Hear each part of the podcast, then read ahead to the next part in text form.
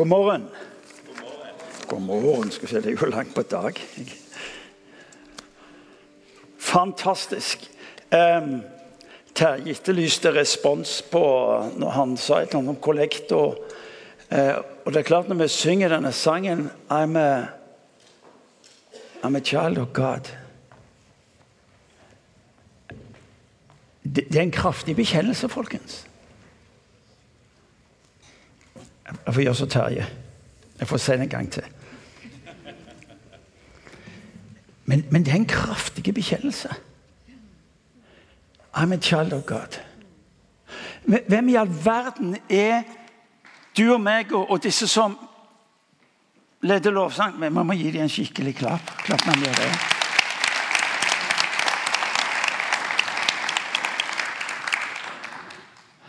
Hvem i all verden er med som er feilende, og som skulle ønske at livet vårt og tida kunne vært så mye annerledes, våger han bekjenne seg 'I'm a child of God'. Og tenk etter! Var du kvalifisert? Nei, du var ikke kvalifisert. Ja, har du levd riktig? Nei, det var ikke det det gikk på. Har du oppfylt en hel masse? Nei, det var ikke det det gikk på. Og allikevel så våger den gjengen og synge en sang som du synger med på og sier 'I'm a child of God'. En gang til. Hvorfor i all verden er det mulig? Hvordan kan du si det? Nå skal du få tak i et vanvittig viktig poeng. Fordi at du våger å tro det som står i denne boka. Derfor gjør du det. Og Det er nesten så du tenker at eh, hvem i all verden er som tør å røre den boka? For den boka sier jo ikke bare noe om at du og meg får lov til å være barn av den høyeste Gud, men den forteller jo hvem han vil være. Av det sier ja, men Bibelen sier veldig mye om mennesker. Det viktigste som står i denne boka, ikke kan han si om deg og meg, men kan han si om Gud. Takk skal du ha. Får du tak i det? Hvis du og meg primært skulle forankre vår tro på hva Bibelen sa om oss, så er det så mye i deg og meg som er eksperter på å stille spørsmål ved, tvile på, gå ut ifra og regnestykker der med eksperter. Det stemmer ikke. Men hvis jeg kan få lov til å tro at det denne Bibelen sier om Gud, da våger jeg også tro det den sier om meg. Det er gyselig godt sagt. Fordi det gir meg jo et utgangspunkt for livet. Som faktisk blir det livet som Kristus vinner oss på korset. Men hva verden som tør å ta denne boka i sine hender og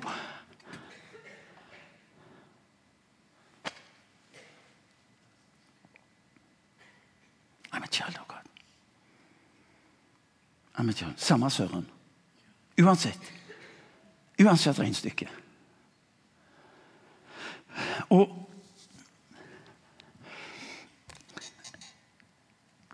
Det blir så avgjørende viktig for deg å få tak i hva han sier om seg sjøl, for at du og meg skal våge å være den han har kalt, frelst oss til, skapt oss til å være.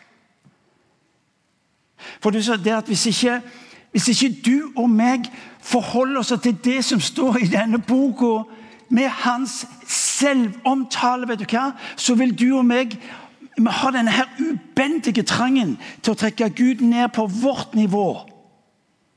Og så blir det vi gjør, og det vi holder på med, og sanger vi synger, og alt det der, blir på et vis en refleksjon av vårt ståsted. Istedenfor at han skal få lov til å dele med oss hvem han er. Er dere med meg? Det er da langt mer spennende og interessant å få tak i det med hans utgangspunkt enn det du og vi klarer å skape. Ja, det er iallfall en begynnelse. Hvorfor har vi gudstjenester? Hvorfor kommer vi sammen som kristne? Jo, fordi at vi skal hjelpe hverandre til å få øye på hvem han er. I hans selvomtale. Det er et godt ord. Aldri har hørt det før selvomtale.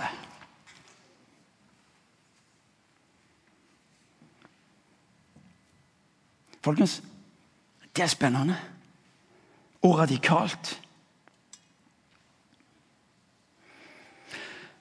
Hva er godhet? Det har vært snakket om godhet om tre uker. skal vi starte opp med godhet. Men hva er godhet? Og det Vi holder på å snakke om, det er vi skal gjøre det, og vi skal rydde, vi skal male, vi skal luke. og så En hel masse av disse ulike tingene som vi skal gjøre. Nei, det er bare konsekvensen av godhet. det. Er det synlige uttrykket av godhet. Godhet er dypest sett å løfte mennesker opp og gi mennesker verdi.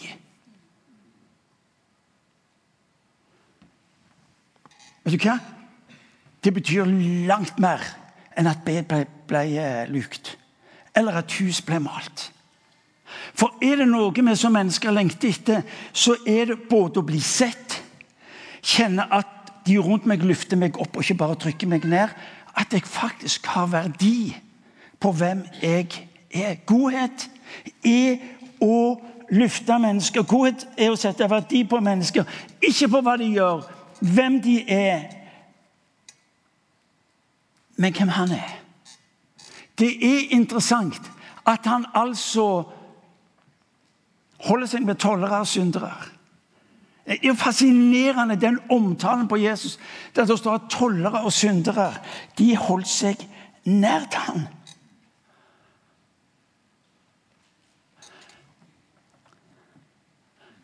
Hva var det han gjorde? Han løfta dem opp.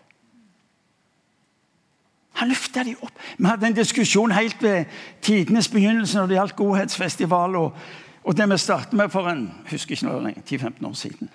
Og Da var det spørsmål ja, men skal vi hjelpe alle. Ja, vi skal hjelpe alle. Ja, men skal vi hjelpe millionæren òg? Han må nå ha råd til å betale vasken sjøl, eller betale malingen for huset, eller hva det måtte være.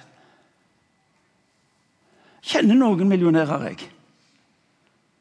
Jo da, de har en bankkonto som langt overgår min. Tenk å kunne ha tilgang til den sånn i det skjulte. Men vet du hva? Det er nesten som jo rikere du er, jo større behov har du for å bli lufta. Fordi folk vurderer de i henhold til hva de har på konto, ikke hvem de er som mennesker. Han sa den ene av de. Noe av det mest fortvilte er at når folk forstår hva jeg har, så etableres vennskap med klare perspektiver. Skal vi vaske bilen til millionæren? Hvem skal vaske bilen til millionæren. Noe annet, Hvordan i all verden kan en millionær ta sjansen på at glade amatører skal vaske bilen til 2,5 millioner? Det er noe helt annet. Jeg hadde økt forsikringen på den bilen hvis det hadde vært meg. Hvorfor, hvorfor liner de opp? Er det primært fordi det er gratis? Nei, jeg tror fordi de møter noe som gir verdi. Godhet er å løfte mennesker, det, folkens. Ja, men det vil jeg være med på. Det vil jeg være med på. Ja, luking er noe her. Jeg kan ikke, for, jeg kan ikke fordra luking. Nei, derfor, Jeg klarer alltid å komme med et team hvor, de, hvor det ikke skal lukes. Ja, for det er noe riktig herk. Ja. Hos oss har vi klare arbeidsfordelinger i henhold til nådegaver, åndsfylde og utrustning. Så hos oss er det Irene.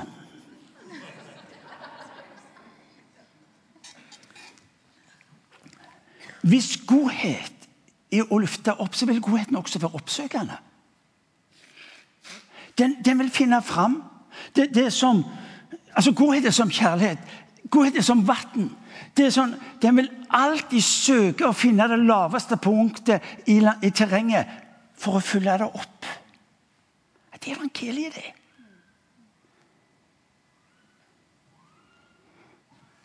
Husker du beretningen om kvinnen som var tatt i hor. Kravene imot, kravene imot henne fra de skriftlærde og de eldste står der. De var helt berettiget. De. de gjorde ingenting galt. De hadde tatt ei dame på fersken, nå anvendte de loven, og konsekvensen var uomtvistelig. De hadde rett på det de førte fram. Men evangeliet er slik at det ser ikke mennesket for hva det har gjort, men hva det er. I'm a child of God. Det betyr at jeg vurderer ikke mennesket på dets historie, på dets nederlag, på dets svik, på dets løgner. You name it. Den som er den Den som er ren. Den som er feilfri. Den som har en historie som er uangripelig. Han kan kaste den første steinen. Det var interessant. Det er interessant at evangelisten får med seg at det var de eldste som gikk først. Det er interessant, det. Hvorfor? Kanskje fordi at de kjente livet så godt med sine mange ulike avskygninger.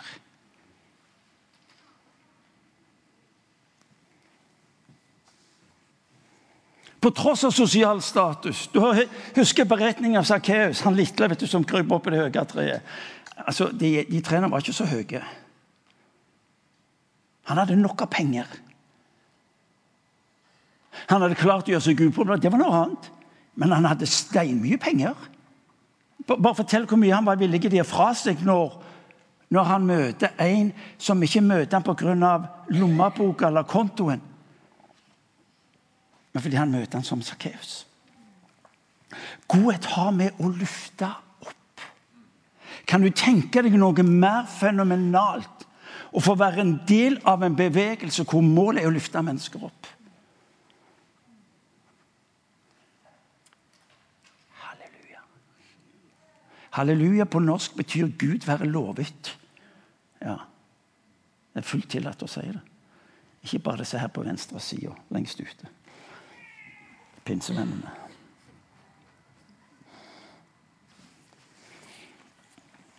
Du ser at Når vi snakker om godhet, så kan det lett bli sånn type god, uh, dugnad.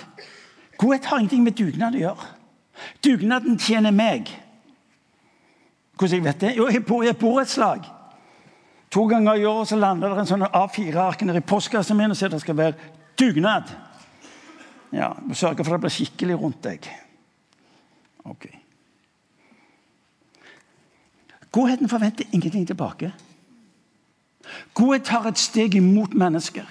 Du leser Lukas' evangeliet, og det, det, er så sterkt om det som er Jesu tiltredelsestale eh, eh, når, han er i, eh, når han er i synagogen.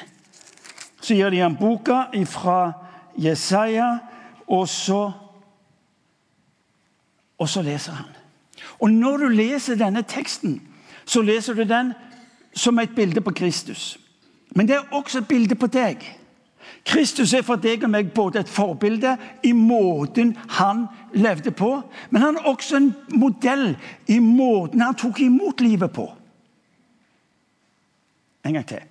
Forbilde i måten å leve ut, men også som en modell i måten å ta imot livet. Han sier om seg sjøl Jeg, sier han. Herrens hånd, Herrens ånd er over meg for han har salvet meg til å forkynne et godt budskap for fattige. Han har sendt meg for å rope ut at fanger skal få frihet og blinde få syn igjen. For å sette undertrykte fri og rope ut et nådens år for Herren. Altså, Jesus blir for deg og meg selve eh, forbildet. Selve dette skulle være modell ved å Godhet har med å ta imot. Jeg er salva. Jeg er salva du som er en Jesus-etterfølger, du er salva med Guds ånd. Til å gjøre de samme gjerningene som Jesus. Hvis ikke så ville han ikke bedt oss om å gjøre det.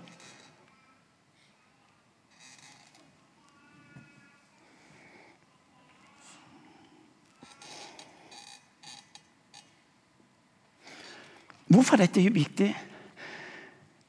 Jo, fordi at ditt forhold til Gud som god vil, hei, vil avgjøre hele din holdning til Gud. Helt avgjørende. Hvis Gud i din forståelse er lunefull, er krigersk, hevngjerrig og alt det der, ja, så vil det definere din egen frimodighet på overfor ham. Men hvis din grunnleggende forståelse av Gud er god, ja, da vil det helt klart avgjøre din frimodighet på å nærme deg Han, men også samhandle med han. Jesus sier 'jeg gjør ingenting jeg, han, uten jeg ser det som en far gjør'. Og, og, og vi sa noe om å bli fri. Hør nå. Du blir fri ved å leve i hans godhet. Fordi Gud rekker deg og meg sin godhet som det elementet hvor du og vi skal få lov til å vokse og utvikle oss som mennesker og som kristne. Det er ikke slik at du sitter i stolen og sier du, Gud, du må gjøre meg fri. Så sitter du der og venter, så skjer det ingenting, og så er du akkurat den samme. Det er altfor mange som blander såkalt lydighet med loviskhet. Nei, det alt skal være av Gud, så her sitter ikke Gud. Jeg er åpen, jeg. Nei. For det skal ikke ha med meg å gjøre. Nei, men han sier en del ganger 'stå opp nå', beveg deg nå. Når du og meg våger å bli værende i hans godhet, så er vi fri til å bli med på det han gjør inn i denne verden. Ja. Nei, jeg kan ikke se det engang, for jeg husker det ikke. Du får høre det på podkasten når du kommer hjem. Men du må få tak i dette her. For hvis ikke din kobling er knytta til han Få med den her. Alt det Gud gjør, er ekstremt. Gud er ekstremist. Folkens. Alt det Gud gjør inni denne verden, er ekstremt. Og så skal du og meg være med han på det han gjør. Hva blir det? Ja, du blir ekstremist. Ja, bare sånn antydningsvis. Ekstremist.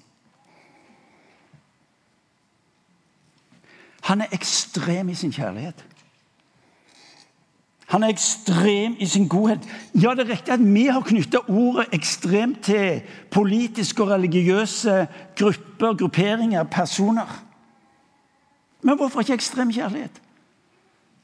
Hvorfor ikke ekstrem godhet? Hvorfor er ikke Kirka kjent for sin ekstreme godhet? Når våre liv er kobla opp til Han som er ekstrem godhet. Hvor var det det stoppet opp henne? Du skal få litt mer langs den linja. Litt hangups. Men hvorfor i all verden er vi som kristne og som kirke mer kjent for vår såkalte ekstreme kristne holdninger og ord? Spesielt overfor de som ikke er enige med oss. Hvorfor, hvorfor er det det vi er kjent for?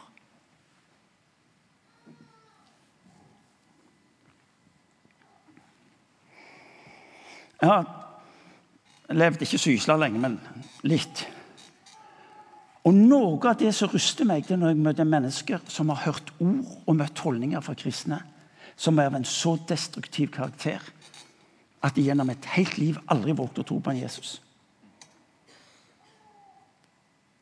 Hvordan er det mulig Hvordan er det mulig at det normale svaret jeg møter, spesielt fra min generasjon, altså 50-60 år oppover, så er det en opplevelse av å være fordømt når de, når de nærmer seg kirka.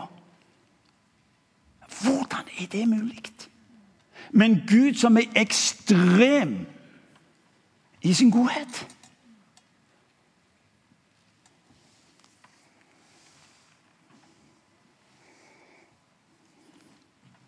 Få tak i det jeg sier. Du ser det at eh, ekstrem blir ofte forbundet med ytterligere. Ingen av oss ønsker å bli omtalt som ekstreme. Det er ærlig, vi gjør ikke det. Ekstremt er det ytterliggående. Det er å pushe grensen. Du skal få et annet ord. Ordet hellig. Ordet hellig betyr passert grensen for det ytterliggående. Hellig betyr atskilt, utskilt. Gud omtaler seg som hellig, kadosh, utskilt. Og så lyder det på deg og meg som kirke dere mine hellige barn. Du er ikke ekstremist, du er verre enn en ekstremist. Ja.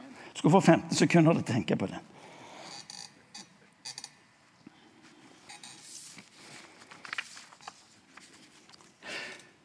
Hvorfor ble dette plutselig viktig? Jo, fordi at hvis, hvis ikke han er utgangspunktet for vår forståelse både av hvem han er, våre egne liv og det vi skal være i denne verden, så sørger vi for å, å, trekke vår Herre ned på vårt nivå, og så blir han et resultat av våre tankebygninger, ønsker, forventninger og you name it.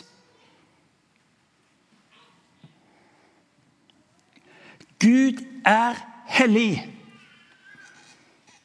Ikke som uttrykk for mange egenskaper. Han er kjærlig og hellig. Han er nådefull og hellig. Han er allmektig og Nei, han er hellig i sin kjærlighet. Tryggheten for profeten er at eh, du må, du må stelle med meg i henhold til din hellighet. For hellighet er Guds vesen, hans holdning. Utgangspunktet for alt annet han gjør.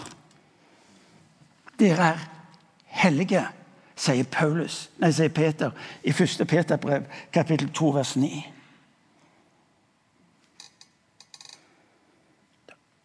Dere gysler stille. Men hvis det blir utgangspunktet for deg og meg, så er det plutselig andre ting som tvinger seg fram, og som ønsker å være grunnlaget for dine og mine valg.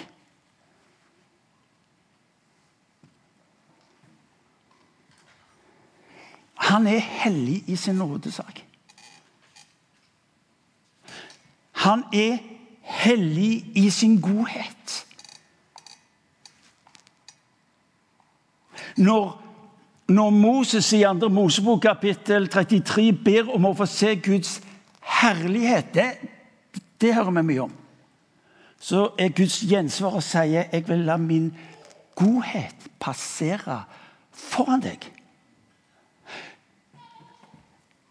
Herlighet er lik godhet. Kjærlighet er lik godhet. Godhet er den konkrete erfaringen og opplevelsen av Guds herlighet og Guds kjærlighet. For som Han er i denne verden, er vi i denne verden. Åndens frukt, sier Paulus, er kjærlighet, glede, fryd. Og så står det godhet. Er dere med meg?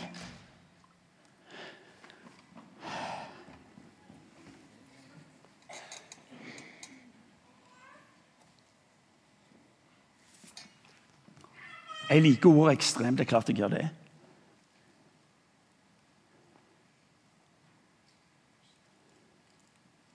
For dette utfordrer oss så konkret i, i ditt og mitt hverdagsliv. Når Jesus i hagen før påske møter Judas, så vet jeg hva jeg hadde sagt. Å ja, budskapet mitt hadde vært klart. Ja vel, så der er du, din rev. Eller noe i den duren. Og Jesus sier, 'Hva gjør du her, min venn?'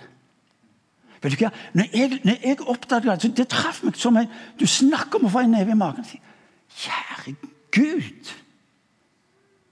Han er ekstrem i sin kjærlighet. Venn, hva gjør du her? Få tak i dette. Hva Judas gjorde, forandra ikke Jesu holdning til han. Når denne verden strever med å holde livet sammen på ulike måter, eller you name it ja, Vi må fortelle folket hvem de er. Ja, vet du hva? Jevnt over så vet folket sjøl hvordan livet er.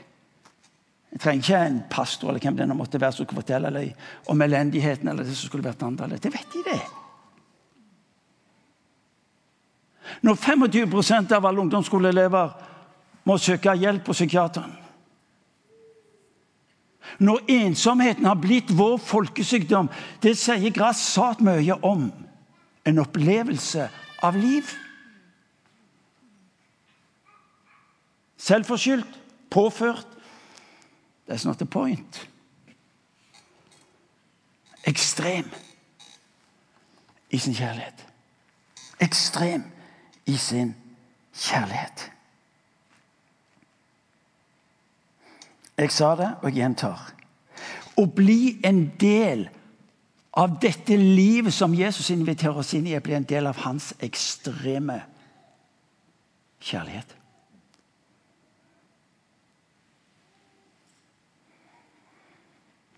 Hva var det jeg sa om denne boka? Bergpreika som oppleves av mange som det ypperste av det Jesus lærer, ja, det er noe annet enn en beskrivelse av det livet du og meg er kalt til å leve, leve ut sammen med Mesteren. En ting til. Det er dette livet denne verden egentlig lengter etter å få øye på. Slik at de våger å tro at Gud er god. Det var altfor mange av de som møtte den eldste broren som ble som om i Lukas 15, og tok ikke sjansen på å fullføre vandringen til farshuset. For de visste hva som venta dem.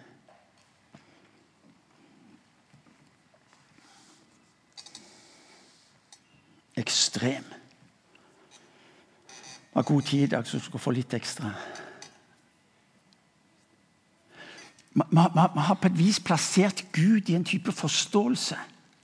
Når Gud er ekstrem i sin entré inn i denne verden, jul, kan du tenke deg noe mer ekstremt enn at allmaktens Gud, han som en gang talte og det skjedde, han bød, og så sto det der Han velger å stige inn i denne verden som et lite barn. Ja, Du sitter med historien og fasiten. Du er ikke sjokkert i det hele tatt. Men jeg skal fortelle deg, det har gått, det hadde gått mange spinninger i det huet ditt hvis du aldri hadde hørt om det før. Det er ekstremt. Eller når han velger å dø på et kors. Allmaktens Gud, la si, vanæres. Han, han, han blir ødelagt på det korset. Fordi at han opererer med en kjærlighet som sprenger alle grenser ut forbi det ytterliggående. Ekstrem kjærlighet. Og hvis du tror For ofte så tror jeg vi trenger en påminnelse om at det er ikke sånn. Hvis du tror han dør for de som fortjener det, så er det feil. Han dør for de menneskene som spytter etter ham, som banner ham, som gir blaffen i alt han holder på med. Ekstrem kjærlighet. Pinse. Når allmaktens Gud sier denne verden skal erfare min godhet, og så plukker han ut en gjeng, tolv stykker, som alle sammen dreit på det berømte draget. Og så er det bare Vent noen dager, nå, så skal dere få det dere trenger. Og så gir han de ikke en sånn kraftkilde. Jeg kommer til å ha bolig i dere. Så dette skal gå bra.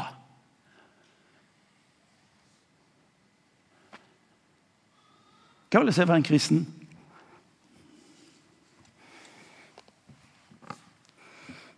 Det å være sammen med han som er ekstrem.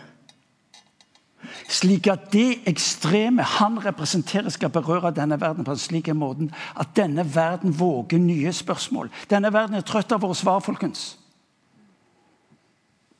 Vi har hørt så mye av våre svar. Les noen av evangeliebrettene. Noe av det Jesus gjorde veldig ofte, han, han hjalp folk til å stille nye spørsmål. Er det han som skal komme, eller skal vi vente en annen? Er det rett å gi skatt? Og så, og så spør han. Og når du og meg våger ekstrem godhet, så begynner folk å stille nye spørsmål. Hvorfor gjør du dette her? Når ateisten spør meg du, hva er baktanken med det? Ingen baktanke med dette. Når dere, far, jeg vet de fleste av dere i hverdagen er opptatt med å se mennesker berørt og hjelpe dem til å stille nye spørsmål. Vitnesbyrd, Historien fra mange av dere er at jeg sa ingenting om Jesus. Men når jeg begynte å la dem erfare godhet, så begynte de å stille nye spørsmål. Og Det ble nettopp en inngang til å kunne dele et rikere liv. Vi bruker ikke godhet som som eh, metode for å nå mennesker med evangeliet. Vi tror godhet har egen verdi, men det vi erfarer igjen og igjen, det er at godhet stiller, hjelper folk til å stille spørsmål, og vi får lov til å dele historien om et rikere og om du vil, annerledes liv. En gang til alt det Gud gjør i denne verden, er ekstremt. Og når du og meg er Jesus-etterfølgere så går du ikke klar det. Du går ikke klar det. Du kan legge logg på det. Du mister det. Folkens, dønn ærlig. Men når han har sagt jeg har tatt bolig i ditt liv med min ånd, basert på hva jeg gjør på korset for din skyld,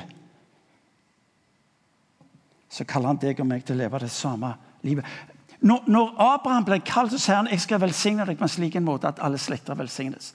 Han sier eh, du, du, du velsignes i mitt navn for at du skal være til velsignelse for de menneskene som du går sammen med. Det er den samme velsignelsen som lyder over ditt og mitt liv. Når han velsigner deg, så er det ikke for ditt bruk primært, men det er for de som er rundt deg, fordi det er en lovmessighet. At når du gir videre velsignelsen som Gud har velsigna ditt liv med, så er det du som berikes mest.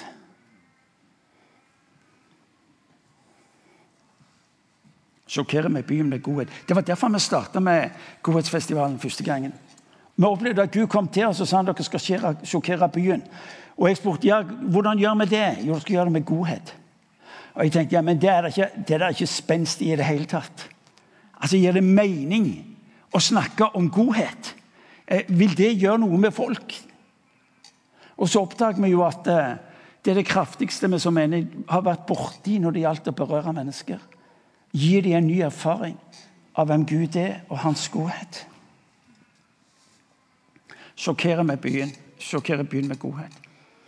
Antydningsvis skal jeg begynne å slutte. Antydningsvis skal jeg begynne å slutte. Ja, Så hvis vi skal leve ekstremt, blir ofte spørsmålet skal vi selge alt det vi har. Nei. Hvorfor, hvorfor skal du selge det Gud har velsigna deg med? Men du kan sørge for at de Gud har velsigna deg med, det skal du få lov til å bruke i et Guds rike perspektiv. Det er ikke mitt. Det er gitt meg til forvaltning. Det betyr at det jeg har, skal få lov til å bety en forskjell i folk sine liv. Gjennom en erfaring av godhet, gjennom en erfaring av hans kjærlighet. Du skal få lov til å spørre med det du har Gud, hva, hva tenker du? Nå kjenner jeg diller inn. altså Nå gikk altså pengene mine opp på børsen. Hva gjør jeg nå?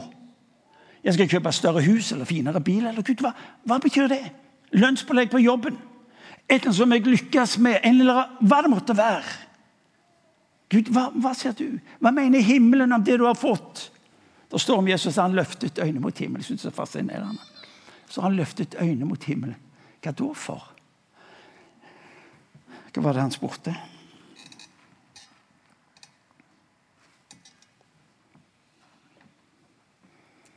Ekstrem.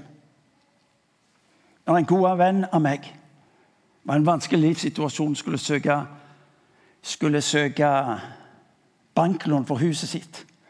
Og Vedkommende forteller at jeg møter opp hos bankmannen så sier han, vet du hva, du har, eh, du har egentlig nok til å få lån, men jeg, jeg har tro på at du klarer det.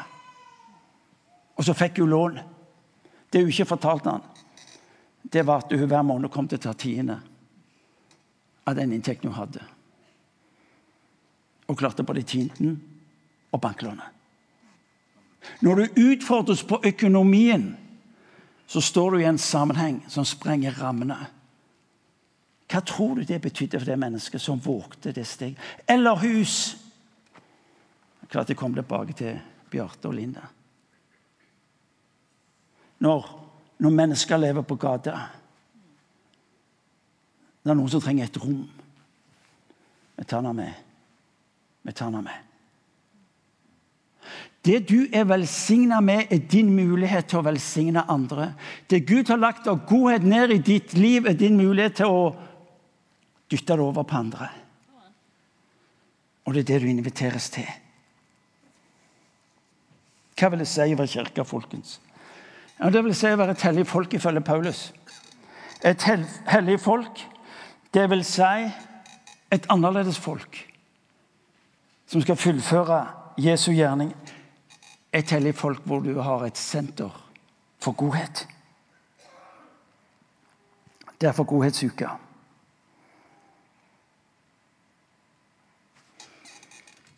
Det er ikke snakk om å male hus eller vaske biler. Folkens, det er ikke det.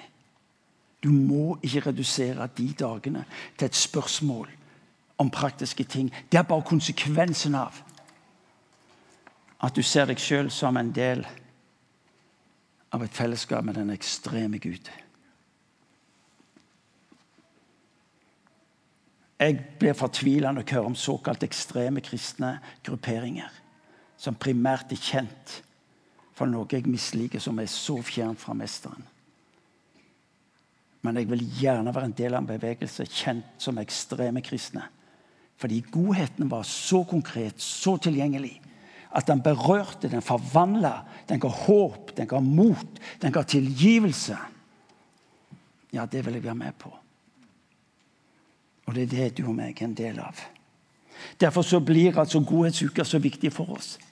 Fordi vår erfaring, Min erfaring var at når vi vågte å komme sammen som team og som du vil som folk, og begynte denne vandringen vi er ut, så oppdaget vi jo at vi fikk hjelp til å leve det samme livet i vår hverdag. Altså Det med å være sammen disse dagene gjorde noe med min hverdag resten av året. Og jeg holdt nesten på å si hvis du vet at du lever i denne maksimale godhet mot dine omgivelser, så glem godhetsuka. Men hvis du vet at jeg trenger hjelp til, jeg trenger oppmuntring til, jeg trenger å Så blir du med de dagene. Både fordi det er et vitnesbyrd om hva Gud gjør i dette, i dette landet vårt, men også fordi at Og hør nå. Fordi at mennesker gjør en erfaring av en Gud som er god. Sett av uka, for det du gjør denne uka, vil prege resten av året ditt. Planlegg nå. Jeg, jeg, husker bare hva, hva, den, hva den uka gjorde med mitt liv. Og den, folkens, den forandra mitt liv. Den forandra mitt liv. Så ikke start med hvor mye du har tid til de dagene i slutten av mai måned. Hør nå. Ikke start med hvor mye du har tid til. Sett av den uka fra mandag til fredag. Sag. Den uka den er untouchable fra malansk. Det betyr du rokker ikke ved denne uka, og så spør du hva jeg må si nei til utenom denne uka. Ekstremt? Ja, det er klart det er ekstremt. Klart det er det. Ja, hva har du igjen for dette? Ingenting. Du må til og med betale 150 kroner for å være med. Det var da journalisten i NRK sa dette er jo sprøtt. tenkte jeg. Du har fått tak i det. Tenk når folk omtaler omtale oss som kristne som sprø. Fordi vi kan ikke la være å betale for at vi får muligheten til å vise godhet med folk. Noen av dere nikker, dere andre vet ikke riktig hva dere skal mene nå. det ser jeg. Men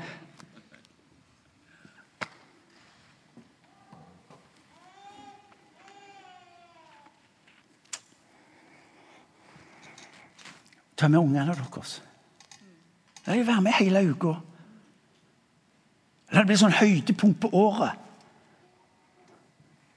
Du skjønner det, min datter. Du er, du er med i en ekstrem bevegelse. Kommer de på skolen dagen etterpå og sier du er med i en ekstrem bevegelse, lærer.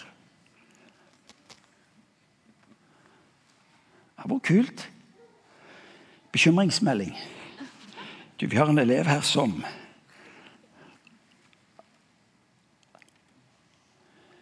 Forstår dere hva jeg sier? Ja. Er det såpass utfordrende at du tenker jeg må visst gjøre noe med dette? Nå ble jeg i hvert fall stille. Et hellig folk. Ekstremisme ytterliggående. Hellig. Du har ikke bare nådd grensen av det akseptable. Du har passert grensen. Det er ditt og mitt kall. Det er ditt og mitt liv. Et hellig folk, synlig og erfarbart. Du og meg er designa for godhet ved den frelse han rekt oss. Jeg holdt nesten på å si Slipp det løs. Det er helt feil. Egentlig er budskapet 'hold ikke igjen'. Hold ikke igjen. Fordi at han ønsker, og han vil, leve ut sitt liv i deg. Mennesker vil ikke tro at Gud er god om de ikke møter det i ditt og mitt liv. Folkens, det er sannheten. Så hermed, og så skal jeg slutte Og hermed er altså invitasjon, ikke utfordring. For dette har ingenting med utfordringer Hvis jeg skal utfordre, da ligger jeg på et helt annet nivå. Dette er en invitasjon til å bli den du er skapt til, frelst til, utrustet til å være i denne verden. La oss reise oss og be en bønn.